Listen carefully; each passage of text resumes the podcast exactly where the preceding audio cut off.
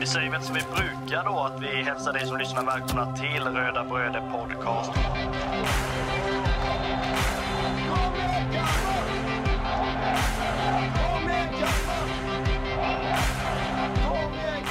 Vi är ju tre bröder som eh, driver en podcast som heter Röda Bröder Podcast. Eh, det är jag, Kristoffer Karlström, och det är min lillebror Marcus och min andra lillebror Andreas. Podcasten handlar bara om Kalmar FF.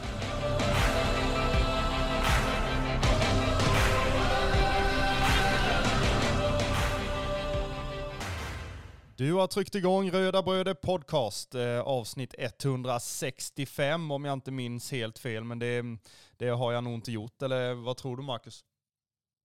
Nej, men det stämmer. 165 är det. Vi eh, har ju 35 avsnitt kvar upp till det 200. Så det, ja, om, vi, om våra beräkningar håller så lär vi väl ha det någorlunda nära, eh, höll på att säga, sommaruppehållet nästa år. Ja, och då eh, får vi väl se vad vi, hur vi ska fira det, för jag menar 200, det är ju det är ju en milstolpe i historien. Ja, nej, men det är det ju. Jag vet att vissa lag eh, har ju någon, någon form av eh, plakett eller vad man säger sånt här när det blir eh, 200. Jag vet att eh, något annat lag har att de ristar in namn på spelare som har spelat 200 matcher. Så jag vet inte, ska vi rista in våra namn på jävla lyktstolpe vid, vid Guldfågeln kanske? Jag vet inte. Ja, det är väl ungefär på den, på den nivån som det får ligga antagligen. Eh, ni ska vara välkomna till detta avsnittet som sagt och vi, eh, vi har ju tänkt att vi ska diskutera spelschemat, spelschemat bland annat, ursäkta. Eh, och även eh, konstgräsplanen ska ju äntligen bytas. Eh, kommunen har ju beslutat detta i något utskott eller vad det var, att, eh, att den kommer att bytas. Eh, frågan är ju bara när vädret och högre makter tillåter att, eh, att den byts helt enkelt. Eh, och det är ju så att det är lite, lite jäktigt i alla fall ju. Jag menar det, det ska ju vara en, en första träning eh, den 8 januari, så att jag menar det, det är liksom Ja, då, då kanske man får styra om det helt, eh, eh, träningsplats och, och annat. Men eh, det kommer vi till lite senare. Ehm, vi har bland annat en frågelåda också idag. Det, jag tycker det är skitkul när man eh, lägger ut en sån eh, fråga, ja, ställ din fråga så här på Instagram och på Twitter och sånt där. Och sen så är det några lyssnare som hör av sig och vill att vi ska diskutera lite olika ämnen. Det, det tycker jag är klockrent i alla fall om jag får prata för mig själv. att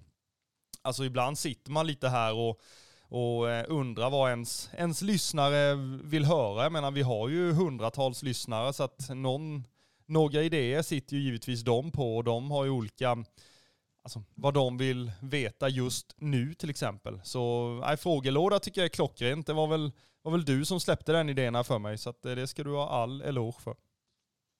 Ja, nej men eh, sånt är ju intressant. Sen är det ju så här nu när vi börjar närma oss jul eh, och så vidare. Vi knyt, eh, eller knöt ju rättare sagt ihop eh, säsongen för ett antal avsnitt sen. Nu knyter vi väl ihop hela året eh, och så där så vi kan skåla in ett nytt år och sen eh, fokusera framåt på vilka vilka lag ska vi möta när och hur ser det ut på första träningen? Är det någon som kommer och enbart har käkat julmat under hela ledigheten eller eller hur det nu ser ut. Eh, det kommer ju bli spännande och eh, verkligen någonting som man ser fram emot det är ju när landar den här förbaskade ja, anfallaren och det lär ju bli en, en, en liten försenad julklapp enligt, eh, enligt vår eh, kära sportchef.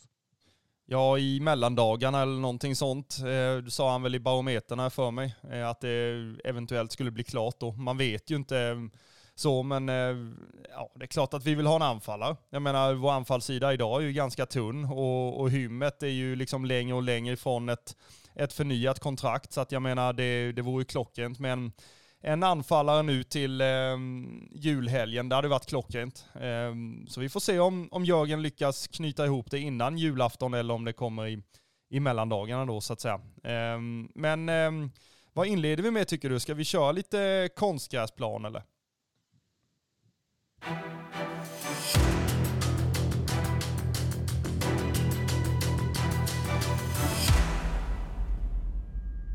Det är ju inte bara att man ska hålla på och byta julklappar inom en ganska snar framtid. Det är ju också så att det behövs verkligen bytas en konstgräsmatta på Gasten IP och eh, ja, om man läser diverse kommentarsfält och annat eh, på Facebook så råder det väl delade meningar kring det. Men är det några som vet om eh, hur det ska vara så är det väl ändå stadens lag, Kalmar FF, som eh, tränar där dag ut och dag in, i alla fall på vinter, vinterhalvåret. Eh, men vad säger du Marcus, är det, är det glädjande nyheter även för dig? Alltså det är väl ingenting som är någonting större att diskutera egentligen. Jag tycker väl ofta de som har, har åsikter kring att nej, men det ska absolut inte bytas. Nej, men de eh, ingår ju knappt i Kalmar FF-familjen i alla fall och vet ju, alltså, tycker ju bara nej för att. Liksom. Um, så att nej, jag vet inte. Det är ungefär som att jag skulle jag skulle gå in och skälla på att eh, golfklubben ska byta någonting och då ska jag säga emot det som inte alls är intresserad överhuvudtaget. Så jag vet inte vad det är. I mina ögon och öron så är det ju ingenting att diskutera överhuvudtaget. En konstgräsplan som fungerar ska ju liksom ja, men, finnas på plats oavsett. Sen är det väl fler planer man vill ha också. Just att man slipper åka runt hela stan för att liksom leta, leta plan. Men det, det är väl framtids... Eh, utsikter, höll jag på att säga. Men eh, konstgräsplanen är ju framförallt nu då under vinter, vintertiden är någonting som är, är väldigt viktigt i alla fall tills vi får eh, vår inomhushall. Ja, det är ju helt avgörande för att kunna bedriva någon form av vinterträning eh, och ha en, en fungerande konstgräsplan som inte gör att ja, att eh, spelarna får stå över träningar och, och skada sig och, och, allt möjligt sådär på grund av planen då. Givetvis kan man ju skada sig på andra sätt, men det ska ju inte vara på grund av på grund av underlaget. Eh, så att, eh, jag tycker det är glädjande nyheter att man äntligen har tagit tag i det här och man ska byta.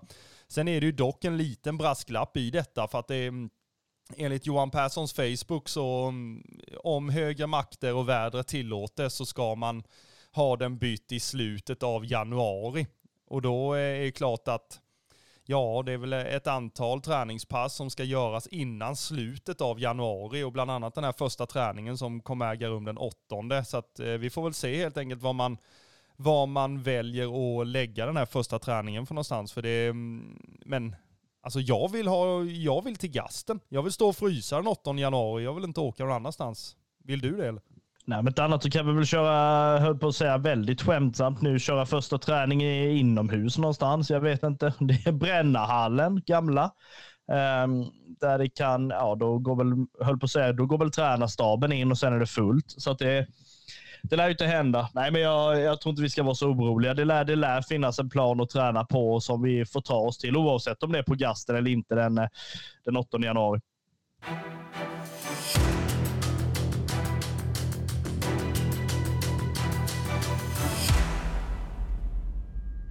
Då går vi in på nästa segment i eh, det här avsnittet och då ska vi prata spelschemat. Eh, spontant så här Marcus, hur, eh, hur ser du på spelschemat? Är det någon, har du någon åsikt? Ja, men det har man väl alltid.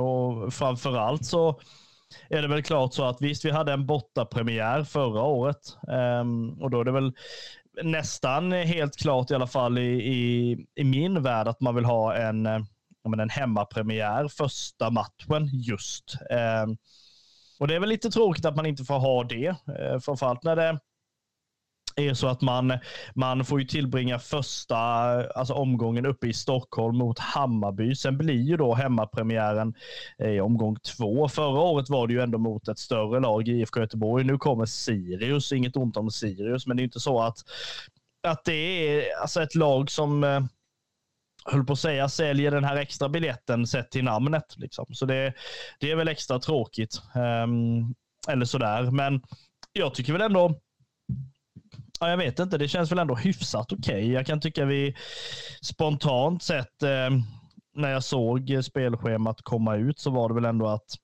de här stora matcherna, eller vad man ska säga, är, är ändå satta på, eh, på bra datum. Eller så. Sen har vi väl alltid det här Eh, det här jobbiga uppehållet då, som är under hela juni. Ehm, eller sådär. Och då är det ju det, det är ju gud förbannat generellt att det ska vara så, men jag tycker väl ändå att tittar man kring hur man har lagt spelschemat så har vi ändå en väldigt spännande sommardel eh, i det här med bland annat då eh, Djurgården i omgång 15, där mitten av juli. Vi har sen Hammarby hemma omgången, eh, eller två omgångar senare och vi har Ja, vad var det mer? Vi har sen liksom Malmö hemma, så det är ju alltså stora fina matcher under, under ganska många omgångar i, i sommar eh, naturligtvis.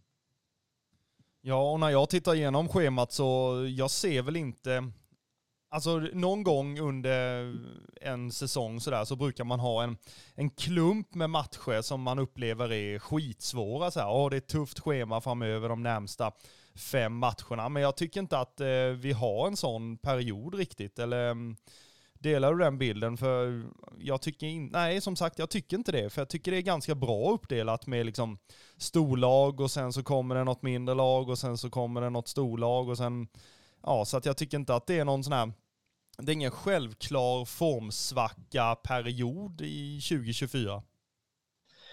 Nej, inte så. Det är väl i så fall inledningen. Första tredjedelen tycker jag känns ganska svår. Man vet Hammarby på Tele2, liksom första matchen, det är, de förväntar ju sig en överkörning, alltså från sitt Hammarby. Sen är det ju våran hemmamatch mot Sirius. Man vet aldrig vad Sirius står för någonstans. Det är sen Göteborg hemma omgången efter. Liksom, kommer de att göra en bra inledning det här eh, kommande år eller inte? Men sen tycker jag väl från omgång fyra ner till eh, vad är det, ner till omgång eh, nio där så tycker jag ändå det känns ganska ganska svårt. Det är väl där det kommer hamna då med tanke på att vi har Elfsborg borta omgång fyra. Vi har Guys hemma omgång fem, vilket jag inte alls tror kommer bli enkelt. Vi har Mjällby som vi alltid spelade dåligt mot på bortaplan i omgång sex och sen är det ju ja, Halmstad hemma då som vi inte heller vet och sen Häcken borta. Så att jag är inte jättenöjd med hur själva inledningen eller första tredjedelen ser ut. Jag tror den kan bli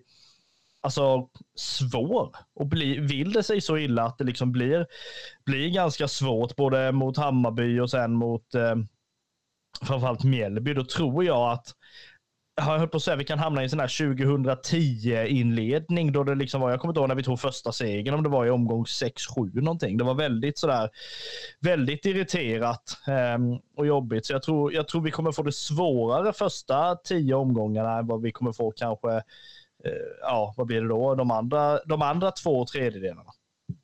Ja, sen är det ju inte så att ni ska missförstå mig att jag tycker att ja, nu så fort det kommer ett eh, lite mindre lag inom situationstecken så kommer det bli enkelt. Man vet ju att allsvenskan är ju en serie där alltså de mindre föreningarna och mindre klubbarna kan liksom slåss mot de stora och ja, så att jag menar det blir ju inte så att att det blir några lätta matcher i Allsvenskan 2024, det ska ju gudarna veta. Och det, då tänker man ju speciellt under våren då, där man om man nu har nykomlingarna där under den första delen så, så är det ju så att man, man vet ju att nykomlingar, de, de, de, de bara kör ju, de tänker inte överhuvudtaget. De är bara glada att vara uppe i allsvenskan och de kör på sitt som de har gjort hela superettan och vunnit eh, nästan hela säsongen. Så nej, jag tror att eh, de matcherna är man ju mest orolig för egentligen. De andra lagen kan man ju lite mer eh, än nykomlingarna. För jag menar, jag kan inte jättemycket om, om Västerås till exempel. Eh, Guys kanske man har tittat på lite grann i slutet av eh, säsongen 2023, men annars så mm, Nej, det är, inte, mm, det är inte mycket koll jag har på nykomlingarna hittills i alla fall. Sen känner man väl sig själv rätt att man kommer läsa på ganska, ganska rejält fram till premiäromgången. Men eh, Alltså det är den enda, eller de, de enda i Gais ska jag säga är väl Alexander Ahl Holmström och, och Viktor Kryger som man känner igen liksom sen, sen FF-tiden för de killarna. Eh, annars så spelmässigt och sånt där är jag väl inte jätteinsatt än i eh, liksom december månad. Men eh, är det någon eh, match så här som du ser mest fram emot? Är det premiärmatchen bara för att det är premiär eller har du någon annan, någon annan match hemma som borta spelar liksom ingen roll? Nej, alltså jag har väl inte, alltså så långt har jag väl inte funderat riktigt än. Jag tycker det ska bli väldigt intressant att se Västerås komma eh, i omgång 12 där. Det är ju det är omgången innan det blir ett uppehåll på en månad eh, i början av juni där. Men det, nej, jag vet inte alltså. Jag tycker det känns väldigt svårt överlag sådär. Sen är det ju så här, nu är det bara liksom matcher på, på liksom, ja men, eh, på ett papper, så det säger ju absolut ingenting egentligen. Eh, men, eh, men det är väl sommarmatcherna som kommer bli, eh, bli roliga. Eh, det är väl i alla fall de, de första och sen se hur pass liksom, kan vi stå upp mot de större lagen nu under nästa säsong. Sen tror jag väl det jag tror kommer bli, jag höll på att säga den tråkiga liksom, serielunk-delen eh, i allting, höll jag på att säga. Det är väl egentligen de här tre matcherna som är i omgång 18, 19 och eh, 21 blir det ju då. De tre bortamatcherna vi har som inte kittlar någonstans egentligen. Det är Sirius borta, det är Västerås borta och det är Gais borta. Eh, just på grund av att det är långt till Sirius, eh, det är långt till Västerås och det kommer inte ens vara halvfullt på Gamla Ullevi när Gais spelar. Så det på så sätt kommer det vara, jag höll på att säga det tråkiga i, i liksom den eh, i, i den fasen eller sådär. Sen är det väl alltid så att vi har ju tydligen en tendens att alltid få åka ner till Halmstad och spela liksom i omgång 25, 26, 27 där någonstans. Nu har vi omgång 24 i slutet av september. Det är ju bara pissregn återigen och det kanske det gynnar ju Halmstad framför allt. Eh, sen är det väl egentligen alltså det här alltså i, i slutet av, eh, eller de sista fem matcherna egentligen när vi har Djurgården borta eller vi har Elfsborg hemma först och sen har vi Djurgården borta. Sen har vi eh, Mjällby hemma.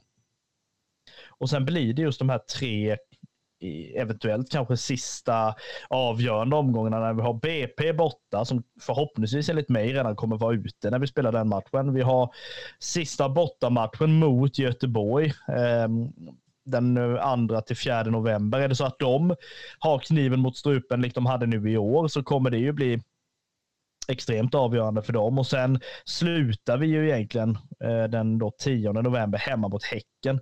Alltså första hemmamatchen och sista hemmamatchen, det kittlar ju inte någonstans.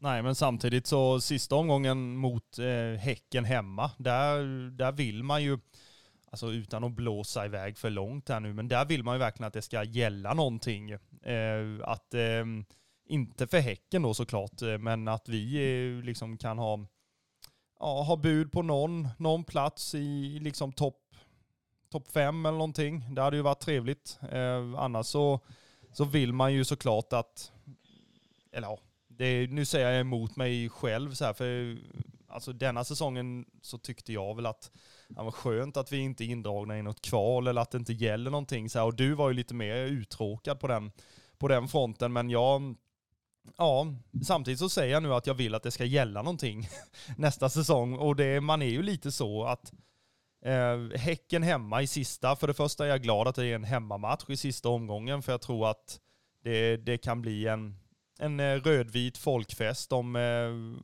alla medgångare kommer också. Eh, och sen att eh, sista bortamatchen mot Göteborg, om den ligger på en, en vettig dag och en vettig tid så tror jag att det kan bli ett, ett fint bortafölje dit också. Eh, och likadant Halmstad-matchen eh, vill man ju också att det ska vara mycket folk och Mjällby borta får vi ju på våren för en gångs skull. Det känns som att det är också en, en höstmatch annars sådär. Ett regnigt Strandvallen och ett regnigt Örjansvall. Det är ju, ja, nej, det, det kittlar ju inte på det viset men, men samtidigt så är det ju ja, lite charmigt också även om du är emot det här med små arenor.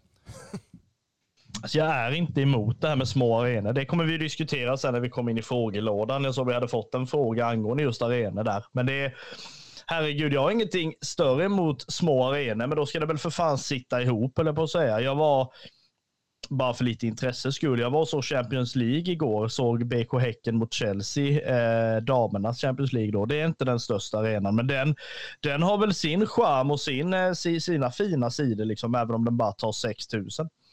Men det känns ju intressant att du för en gångs skull känner att men, du vill att det ska gälla någonting. Det räcker inte med att vi kommer liksom topp 16 det här året. Nej, topp 16 vill jag nog lite mer än så. Eh, sen, eh, ja, alltså man vill ju inte vara indragen i det där kvalet. Eh, lite som, eh, ja det finns ju, finns ju folk som eh, först och främst ser att vi tar kontraktet färdigt och sen är resten bonus och lite så är det ju. Sen efter det vill man ju att det ska att det ska gälla någonting uppåt eh, och slippa kvalångest och allting. Inte för att jag tror det överhuvudtaget. Jag är ju inte, jag är inte fotbollsexpert på de här stora medierna som år ut och år in tror att vi ska åka ut och vi ska kvala och, och allt det där liksom och rasa återigen för tredje, fjärde året så här. De, ja, de får nog läsa på lite. Eh, det är ju en, en känga liksom lite sådär men, men eh, ja alltså ja, du kanske nämnde det, men har du någon match sådär som du, som du verkligen liksom längtar till? Är det Göteborg borta eller? Nej, absolut inte. Eh, det skulle jag verkligen inte säga. Det som, det som kommer bli, eh, eh, eller någonting som jag faktiskt ser fram emot, nu ska jag bara leta upp vilken, vilken omgång det var i, så får jag prata lite allmänt under tiden som jag bara letar här. Nej, men det finns ju en, en arena som faktiskt jag vet håller på att genomgå någon form av renoveringstjosan där. Och det är, här kom den. Det är i omgång 11 där, eh, 25 till 27 maj hittills, då, det är ju Malmö borta. Eh, dels för att de håller på och gör i ordning en helt ny bortasektion där. Eh, den ny och ny, den kommer vara i, i kurvan, i hörnet istället för, för liksom sista sektionen innan hörnet. Eh, ja, ni får se på bilder själva eller så får ni åka dit helt enkelt så får ni se. Ja, det var så Marcus menade i podden. Jajamän. Oh. Um, det känns väldigt intressant eh, att se hur det kommer bli, om det ändrar någonting i upplevelsen i, eh, i Malmö när man är där och tittar. Ehm, någonting annat som jag ändå ser fram emot är väl just att, att åka ner till, eh, till Strandvallen igen just för att där finns det lilla extra hatet mot, mot Kalmar FF, vilket alltid gör att det höll på att säga det kittlar lite extra när man väl är bortasupporter på Strandvallen. För man, alltså åker man upp till vissa andra arenor, Tele2, men de skiter lite i det. är Kalmar de möter. Men åker man ner till, till eh, Blekinge så de hatar ju oss fullständigt. Ehm, så det, det gör ju det hela, alltså det, vad ska jag säga, det lägger ytterligare en dimension till, eh, till den matchen ehm, än vad som redan finns.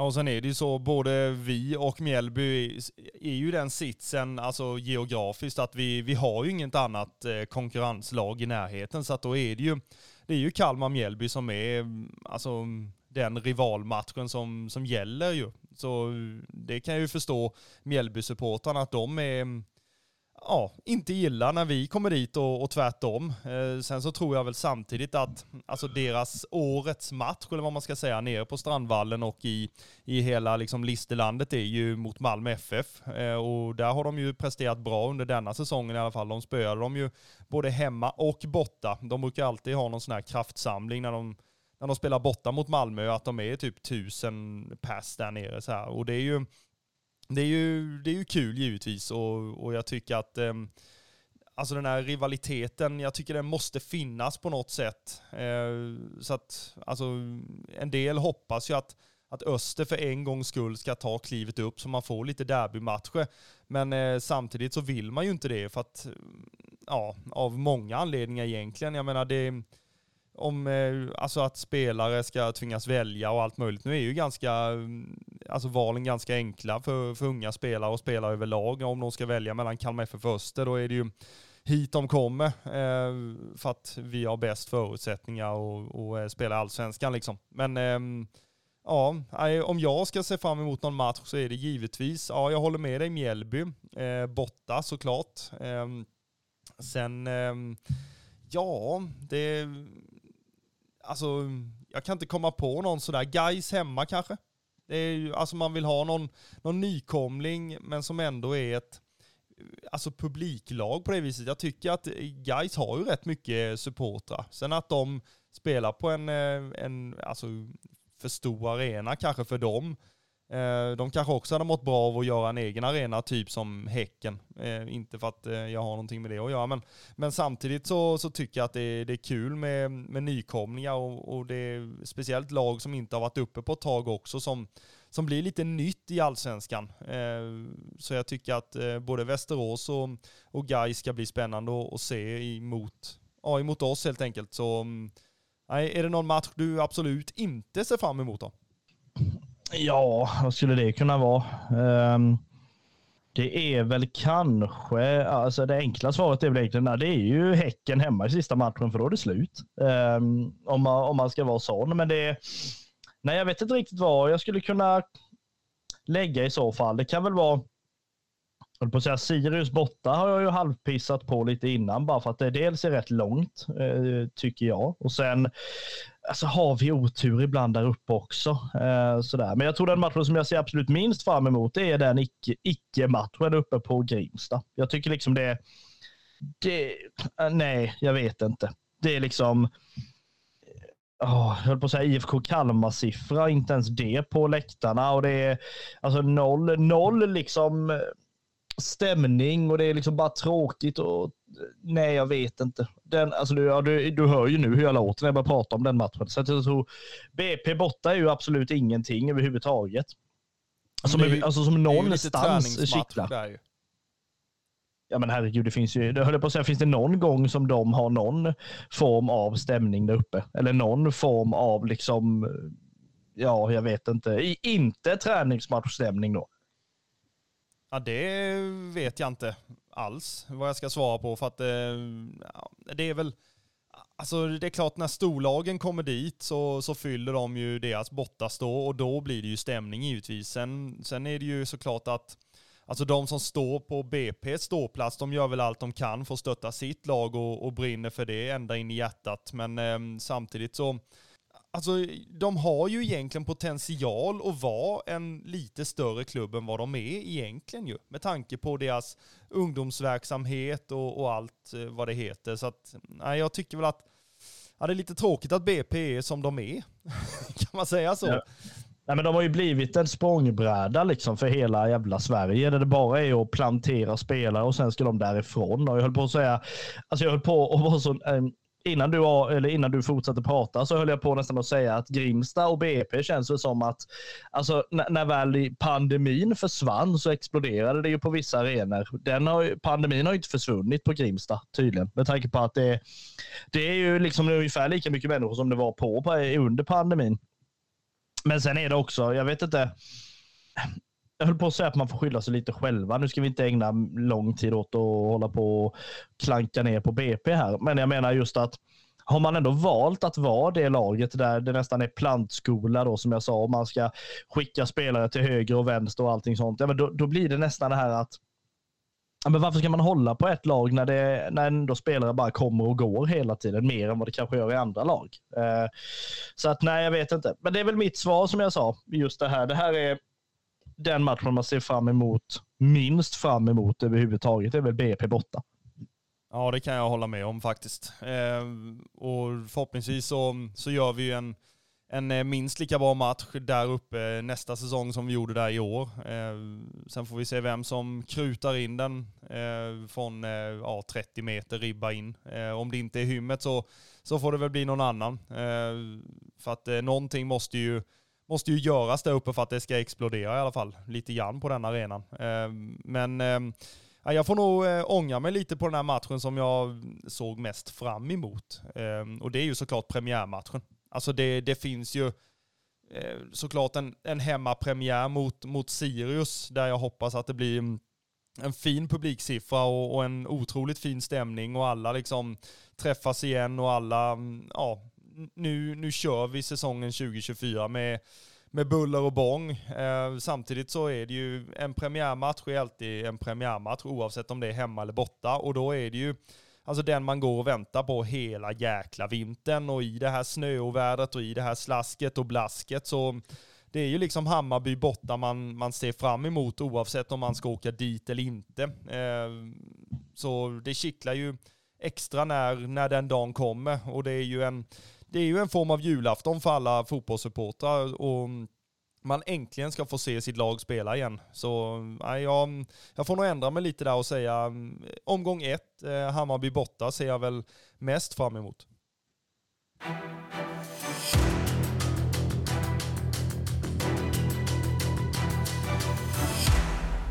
Nu äntligen så blir det någonting som eh, jag har längtat efter och det är den här frågelådan. Alltså det, jag kan inte nog betona hur mycket jag uppskattar alla som eh, skickar in frågor till oss och vill att vi ska ta upp vissa ämnen och, och lite sådär. Och vi har fått in några stycken frågor i alla fall eh, som eh, vi ska beta av här och då den första frågan är ju vem tror vi är den här nya anfallaren som det pratas om eh, både från Alltså ja, Jörgen men samtidigt i, i barometern och lite sådär. Eh, vill du börja? Vem tror du det är? Det är det Andersson. Det är det. det, är det. Nej, nästan så faktiskt. Jag hoppas verkligen inte, inte att det är, nej herregud. Um, Herrem kanske? Jag, Herrem, Herrem är klar. Blir, Tänk om han blir klar i lagom till jul här. Herren blir inte klar innan jul och inte efter jul heller kan jag säga. Men jag tror att, jag hoppas ska jag säga att vi får en riktig sån eh, Alltså inte någon sån här djupleds eh, Caesar-vävning, utan jag vill ha någon sån, eh, höll på att säga en sån riktig engelsk striker, någon sån jävla rivjärn helst. Alltså någon riktig sån som inte ber om ursäkt för fem öre. Alltså det, jag har inget namn på en sån. Um, sen kommer det väl, eh, höll på att säga lite halvpessimistiskt, sen kommer det väl landa en RM i alla fall. Uh, men nej, det tror jag inte. Jag hopp, hoppas verkligen att det är en spelare som eh, men som jag sa, ett rivjärn. Liksom. En eh, Wayne Rooney-typ.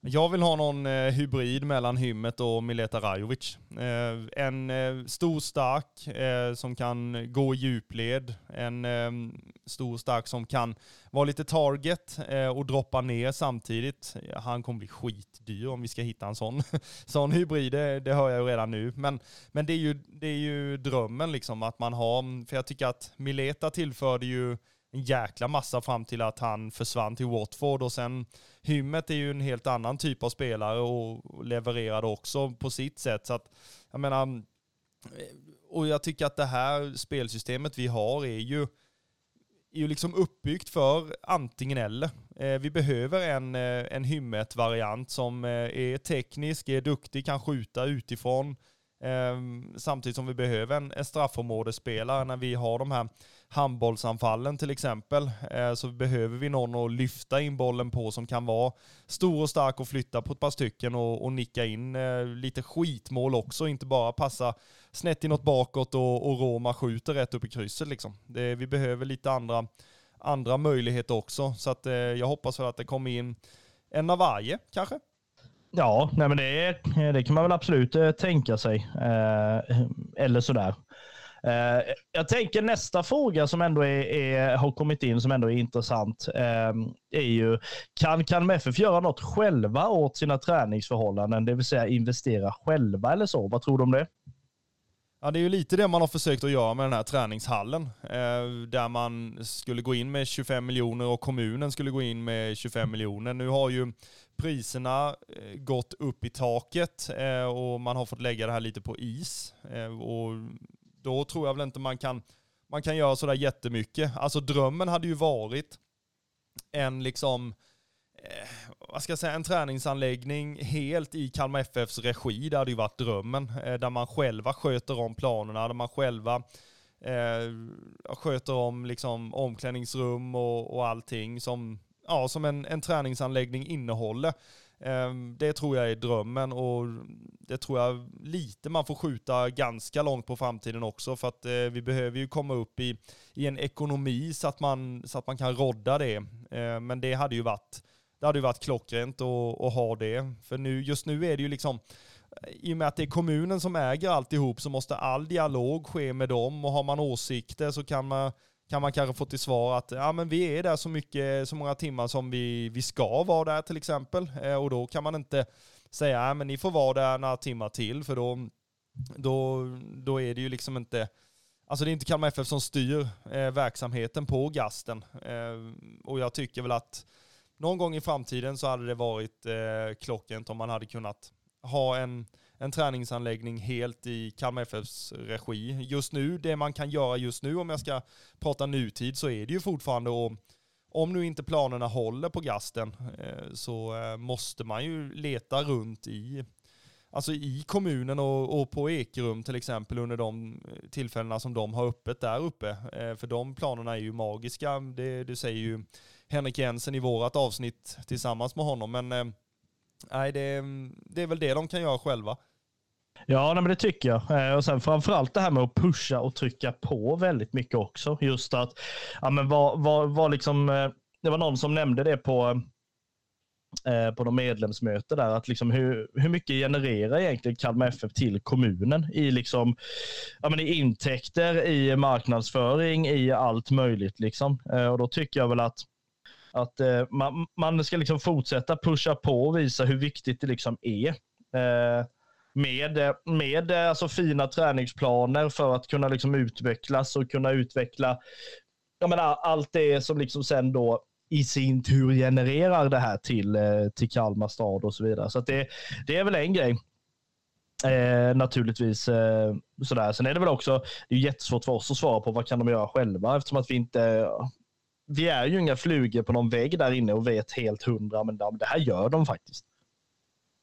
Nej, det är ju lite svårt ju. Men eh, vi, vi är inte till för att, att, eh, veta all fakta, utan vi, vi är ju till för att spekulera lite också. Det gör vi rätt så, rätt så bra kan jag tycka. Eh, nästa fråga är ju hur vi tror att det kommer gå nästa år för Kalmar FF. Eh, och ska jag börja så, så tror jag att, alltså, eller jag har förhoppningar om att det kommer att, att eh, vara snarlikt som denna säsongen har varit eh, 2023. Sen, sen tror jag att Henrik Jensen är sugen på att få in lite spelare som han själv vill ha till laget. Han fick ju ärva en del, en del spelare från Rydströms trupp till exempel, men nu har han ju lite chansen att och kanske komma med lite åsikter kring spelartyper och annat som, som kan liksom passa in i just det spelsystemet och spelformen som han vill, som han vill ha. Eh, och då tror jag väl att om vi får ordning på grejerna så så kan vi ju överraska då inom situationstecken, för det gör vi ju varenda jävla år eh, enligt alla experter och vi ska ha det,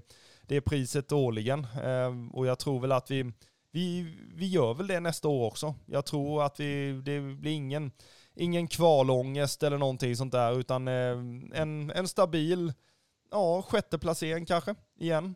Det, det hade ju inte skadat. Jag vill ju inte ha något sånt där liksom mellanår igen, då det liksom är ja, men som du säger, plats eh, sex och man kan varken komma upp eller ner och det spelar ingen roll hur fan det går i slutet av säsongen. Liksom. Jag vill hellre, hellre vara där, alltså plats fyra, plats tre. Liksom. Sen vet jag att det, det är klart det är mycket begärt, men jag uppskattar ju hellre att att man har någonting att spela för hela vägen in i slutet. Liksom. Och då vill jag inte ha det här ja, men, eh, lunkande liksom, omgångarna i slutet och det är liksom ja, men som, som när vi var nere, nere i Halmstad och, och såg den matchen och vi liksom låg under med 3-0, men man kände ändå att ja, det är för jävligt att förlora med 3-0, men vad spelar det för roll? Liksom? Och jag vill inte ha den känslan riktigt, utan vill ha, jag vill mer ha det här att det gäller hela vägen. Um, sen är det väl så, jag väljer att vara så fruktansvärt tråkig så att jag tippar inte nästa år överhuvudtaget utan säger det fruktansvärt dåliga svaret att jag tror vi kommer på plats mellan 1 och 16. En match i taget och en vecka i taget och lite sånt där. En pass i taget. Ja, det, det är nog det mest, ehm, ja, vad ska jag säga, kortsiktiga mål man kan, man kan ha. Va? Eh, nu kommer vi till en fråga där alltså, vi inte har någon koll överhuvudtaget, men då får vi spekulera lite igen. Eh, mm. kommer Kalle Gustafsson att skriva på snart?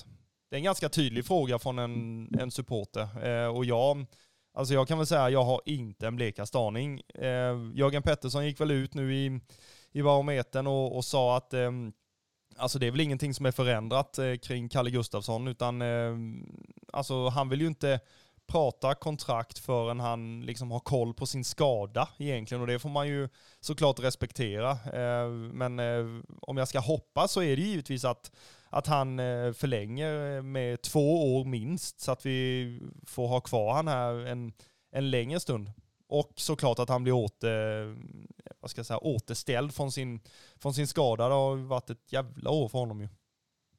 Jo, men det har det ju varit. Eh, och jag känner väl också det. Ska man, ska man liksom skriva kontrakt med Carl Gustafsson så är det väl klart att man vill väl göra det under ett, under ett längre perspektiv. Lite som att börja om då. Eh, för att sen längre fram då kunna de kunna sälja då som var tanken eh, i år, eh, vad det verkade som. Men Å andra sidan, om man ska vara lite djävulens advokat här samtidigt då, så kan man ju säga hur pass sugna är Kalmar FF på på att skriva ett kontrakt med en spelare som inte kommer kunna spela matcher kanske på ett halvår. Jag menar, det är fortfarande en lön som ska ut. Det är fortfarande menar, allt annat som liksom ska, ska till då. Så att det där, där är väl en, en, en intressant vinkel på det. Liksom hur, hur sugna kan man ändå vara på det. Jag menar, det, är ju, det här kommer låta jättekonstigt. Jag vet att vissa kommer hålla med, vissa kommer absolut inte hålla med. Men hur intressant är det att det ändå blir en spelare som faktiskt tar upp en plats för en spelare som faktiskt kanske kan spela.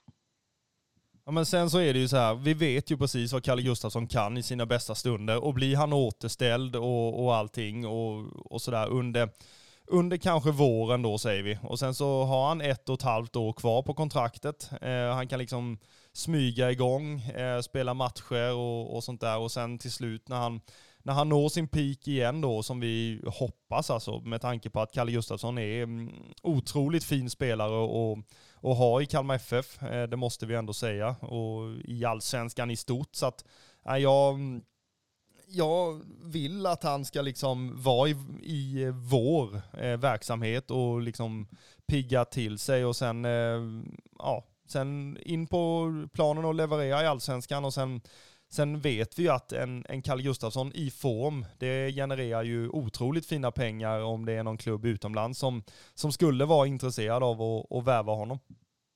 Då eh, var det slutspekulerat där i alla fall för denna gången. Eh, om eh, vi fick påverka spelschemat, eh, vad hade vi gjort då? då? På ett sätt hade jag gjort det väldigt enkelt. Eller jag, jag hade velat göra två saker. För det första hade jag velat att man verkligen skulle kollat ja, men de här avstånden och allt det. Alltså det är så fruktansvärt tråkigt att se, alltså inte bara för Kalmar FF utan för andra lag att liksom, ja men säg AIK i Göteborg en liksom onsdag, jag menar på riktigt. Eller att man liksom sätter så här långa resor, säg då Kalmar, Västerås en söndag 17.30.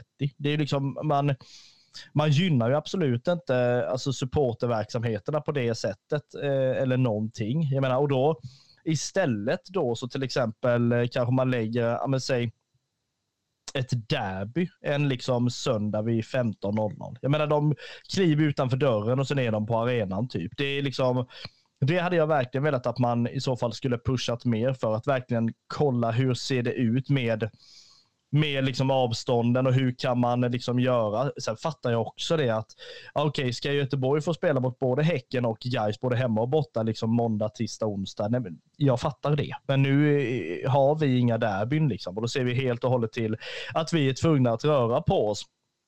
Eh, så på det sättet hade jag gärna velat att man hade kollat mer kring det.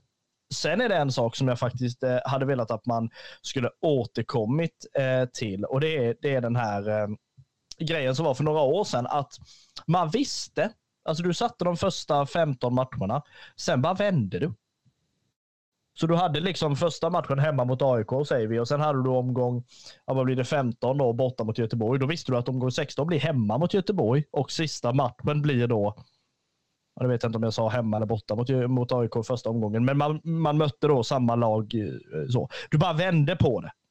Ja, det är ju att göra det väldigt enkelt. Eh, och varför man inte gör det idag, inte en blekaste aning om, om jag ska vara ärlig. Det, det, det har säkert med någon, någon Europamatch där och någon tv-tid där och någon, eh, ja, någon kommentator som inte kan det datumet eller någonting. Nej, jag har ingen aning. Men eh, om jag skulle vilja göra någonting åt spelschemat, det är väl att eh, skippa de här jäkla 17.30 matcherna på söndagar till exempel, så att folk kan, kan ta sig till och från en match och vara hemma i rimlig tid om man ska upp och jobba på en, en måndag. Eh, och, och varför det är så, det är ju också kanske på grund av tv-tider. Eh, polisen har ju ganska stor inverkan där också med tanke på vilken match det är eh, och vilka två lag som, som möts. Eh, och jag menar, ja, alltså sen är det ju någon, jag får mig att det är någon supporterförening eller någonting som, som går i bräschen för att, att, det in, att det ska vara sånt här mil, alltså en milgräns för en bortamatch under en vardag eller något sånt där. Eh, och det tycker jag är helt, helt klockrent. För jag menar, du kan ju inte, man kan ju inte förvänta sig att det ska vara ett fint bortafölje Eh, vi, vi, säger bara nu, nu är vi ju rätt bortskämda att vi har rätt mycket supportrar i, i Stockholm eh, som har ganska nära till de matcherna i, i den trakten liksom. Men eh, om man liksom sätter premiärmatchen en, en måndag klockan 19 eller en söndag 17.30 men det är inte skitmånga kalmariter som kan åka upp dit då och sen vara hemma i, i lagom tid när man ska upp och, och jobba 07.00 liksom. Så nej, jag tycker att se över de här jäkla tiderna och gör dem supportervänliga för att eh, vi ska fortsätta ha de här fina inramningarna på matcherna som vi, som vi är kända för i allsvenskan. Ja, nej, jag menar jag fattar inte sen, eh, jag håller på att lägga till en tredje sak här, men det är ju någonting som jag har har påpekat under lång tid. Alltså bring back 13.00-tiden. Alltså lördag 13.00. Det var så fruktansvärt fint. Jag menar, Spelade du 13.00, ja men då var matchen slut vid 15. Och det, alltså jag höll på att säga, hela dagen var inte upptagen av den matchen. Var det så att du spelade 15.00, ja men då hade du ju någon form av uppladdningsmatch innan då, när du väl satt på på någon pubsamling och kunde kolla liksom någon, I mean, eh, the early kickoff som man säger i, eh, eh i, på de eh, brittiska öarna. Eh, så att jag fattar egentligen inte varför den försvann Eh, överhuvudtaget. Och är det ingen annan heller som fattar det så bara sätt tillbaka den. Jag tror inte det är så många som, som fattar det. Jag fattar det inte i alla fall. Jag tycker det har varit klockrent med mm, med en 13.00 tid. Det hade varit eh, helt magiskt. Eh, sista frågan är ju, vilken är den bästa respektive sämsta arenan ni har besökt? Och jag menar, sämsta arenan där kan du ju vara ganska snabb, för det, du, du har ju bara sämsta arenor, du har ju ingen bästa.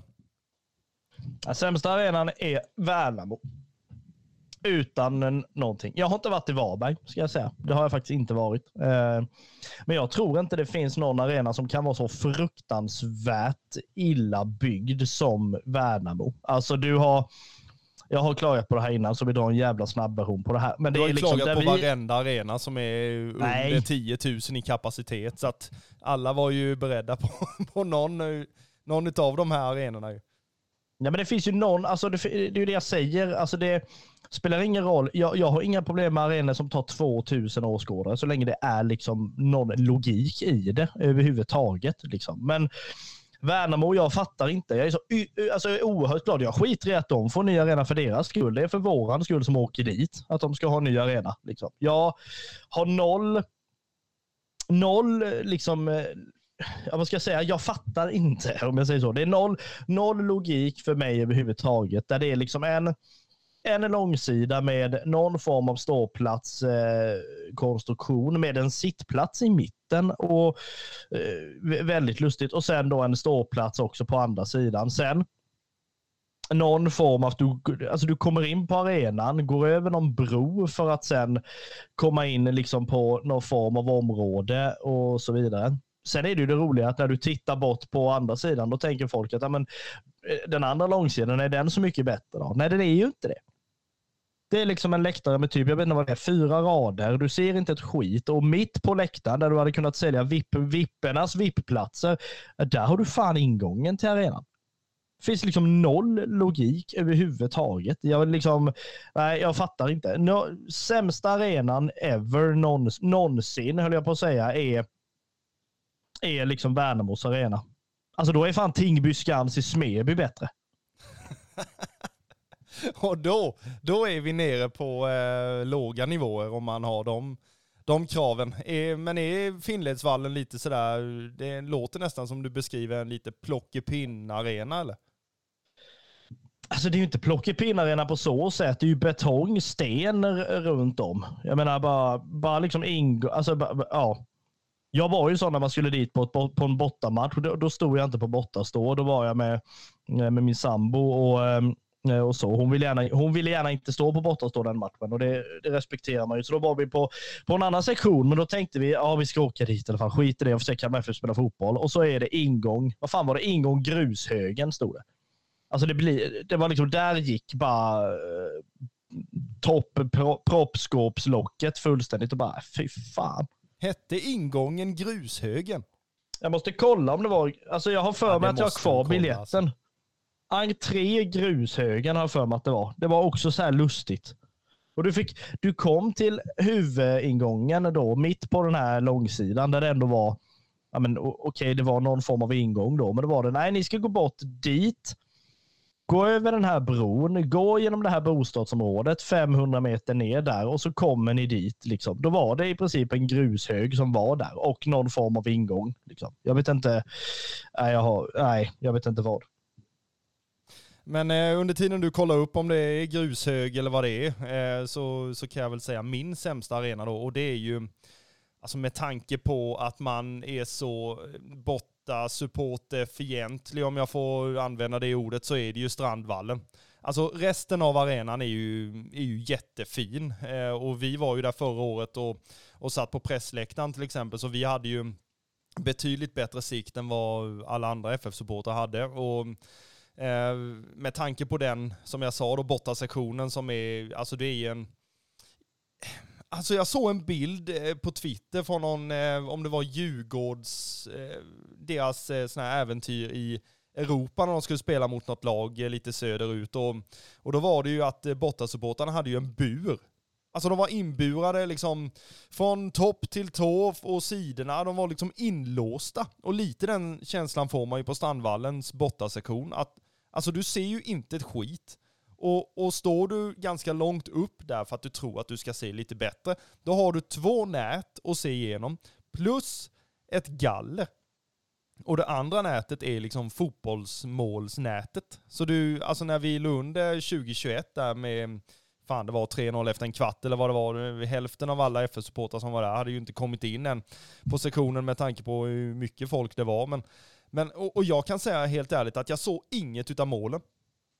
Och då stod jag ändå på, på ståplatsen från minut ett. Så att eh, bortasektionen på Strandvallen är katastrof. Eh, men resten av arenan ligger ju jättefint och det är mm, alltså, trevligt bemötande och det är allt sånt där. Så att, eh, bästa arena, ja, alltså man vill ju säga guldfågel men det får man ju inte. Eh, ja, jag har inget bra svar. Eh, kör du bästa under tiden jag funderar.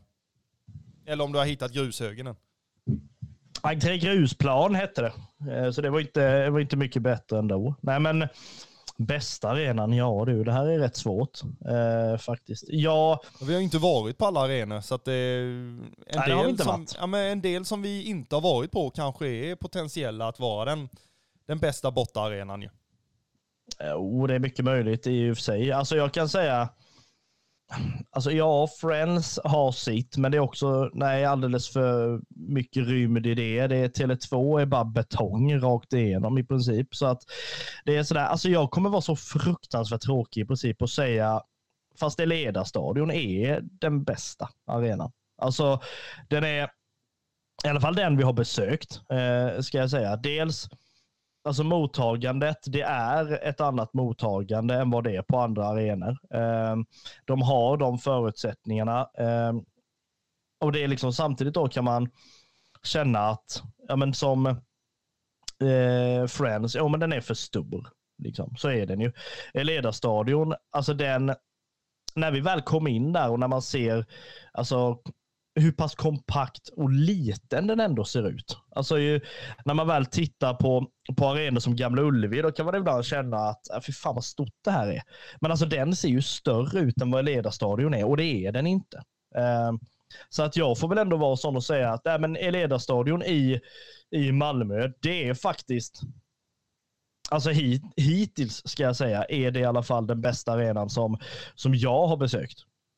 Ja, eh, jag har nog funderat färdigt och, och eh, jag har inte heller, alltså en del har vi varit på press, eh, måste vi ändå säga, så att där, där har vi ju de, alltså vad ska jag säga, de förutsättningarna i liksom eh, platser och i mottagande och i Alltså att man kan värma sig i paus och hela det eh, paketet. Liksom. Men om man är ren bortasupporter och ska liksom besöka en bortasektion Eh, och liksom hela den eh, bortaresbiten så, alltså, ja, alltså Varberg tyckte jag var rätt så, rätt så trevlig bortasektion, även om den ligger i en kurva Eh, har lite löparbanor och skit framför sig, men jag tycker ändå det blev en ganska fin, fin gemenskap där eh, bland, eh, bland alla tillresta rödvita. Eh, sen, sen, sen håller jag med dig att pressmässigt så, så är det ju Eleda stadion som är, mm, ja, det är ju det är en helt annan nivå såklart. Ehm, men ehm, ja, det är, väl, eh, det är väl det jag har att säga angående det. Ehm, har du något mer där eller? Nej, jag bara kände hur fruktansvärt långt ifrån, vi, alltså ifrån varandra vi var. Alltså det kan ju inte, helt ärligt nu för fan, det kan ju inte sluta med att vi går igenom de bästa borta, alltså bästa arenorna vi har varit på. Och jag landar på en ledarstadion och du landar på Varberg. Ja, alltså, det är ju lite, lite sorgligt måste jag ändå säga. Och då är det ju även så att vi eh, måste ju ha lite som mål, alltså du och jag, så här, och sen får vi väl se om vi får med oss den här yngsta brorsan då, eh, som vi hoppas. Eh, att vi kan besöka några, några fler bortaarenor i, ja, kanske redan under 2024. Eh, så att vi, vi har lite mer kött på benen. Egentligen skulle man ju fråga typ ja, Micke Målare eller eh, Firma C eller någon sån här som är på typ alla bortamatcher eh, som kan avgöra vilken som är vilken som är bäst egentligen sett till bortasektion, sett till service, sett till eh, ja, mottagande och allt möjligt. Eh, det, det, får vi väl ha något sånt där bortareseavsnitt i framtiden. Det hade ju varit trevligt med någon, med någon riktig sån bussveteran. Eh, men ja, eh, nej, om du inte tycker att jag ska avsluta med, Norr, med Varberg då, så får jag avsluta med Norrköping då. Ja, hellre det då. Jag kan bara säga, fy fan vad vi ska åka 2024. Alltså det här är ett sånt bevis på att Varberg är den bästa arenan enligt programledare Kristoffer Karlström. Det här är inte bra. Alltså vi ska åka något så fruktansvärt nästa år. Och när vi gör det här avsnittet sen då inför julen 2024 så kommer du inte säga Varberg. Nej, det kommer jag definitivt inte med tanke på att de inte spelar i Allsvenskan 2024. Så det, det, kommer bli väldigt svårt att, att säga dem såklart. Eh, men eh, ja, alltså man har ju några arenor man skulle vilja besöka. Man skulle vilja besöka Bravida till exempel. Där har jag inte varit. Eh, och alla säger att det är en att det är en ganska, alltså du bland annat säger att det är en eh, ganska kompakt arena som är i perfekt storlek för den, den klubben som spelar där. Eh, den bortasektionen som är där får ganska mycket eh, positiva, vad ska jag säga, recensioner. Eh, att, eh, att det är trevligt att, att, gå på fotboll på, på Bra, Bravida Arena. Eh, sen så skulle jag vilja mm, besöka Elfsborg till exempel, där jag inte heller varit. Ni hör ju det där, hur det här låter. Jag behöver ju åka liksom. Ehm, så att, ehm, nej det blir eh, i framtiden här. Så då måste vi ju åka och, och eh, göra lite bortaresereportage.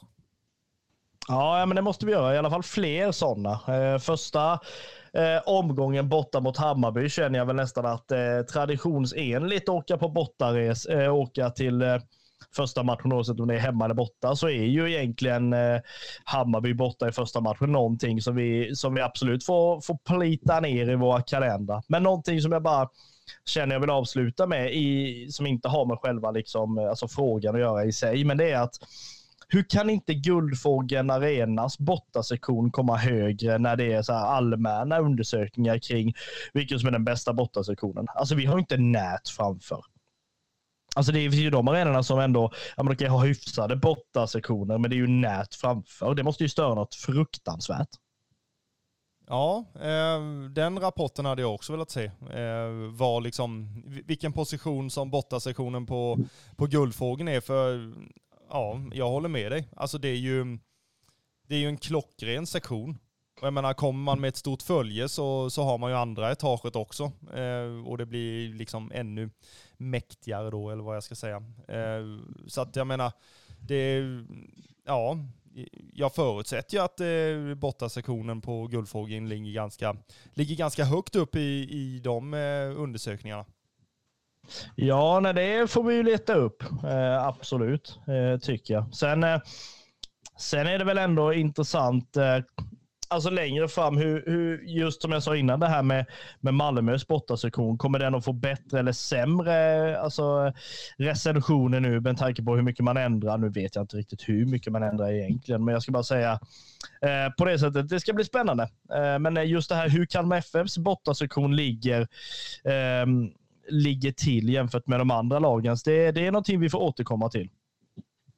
Absolut, eh, och är det någonting vi får återkomma till så är det ju såklart ehm, när nästa avsnitt släpps helt enkelt. Eh, vi är inte jättesäkra på det med tanke på julledighet och man ska åka och lite sånt där hej och hå.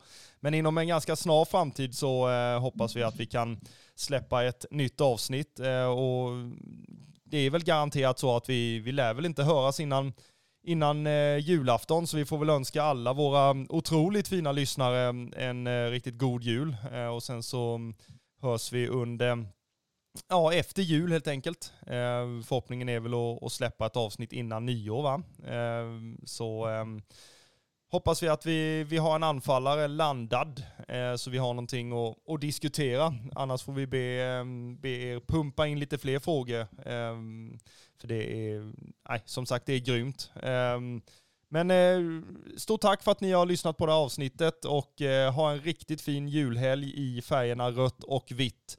Koffe och Marcus eh, tackar för idag och vi hörs vidare. Hej!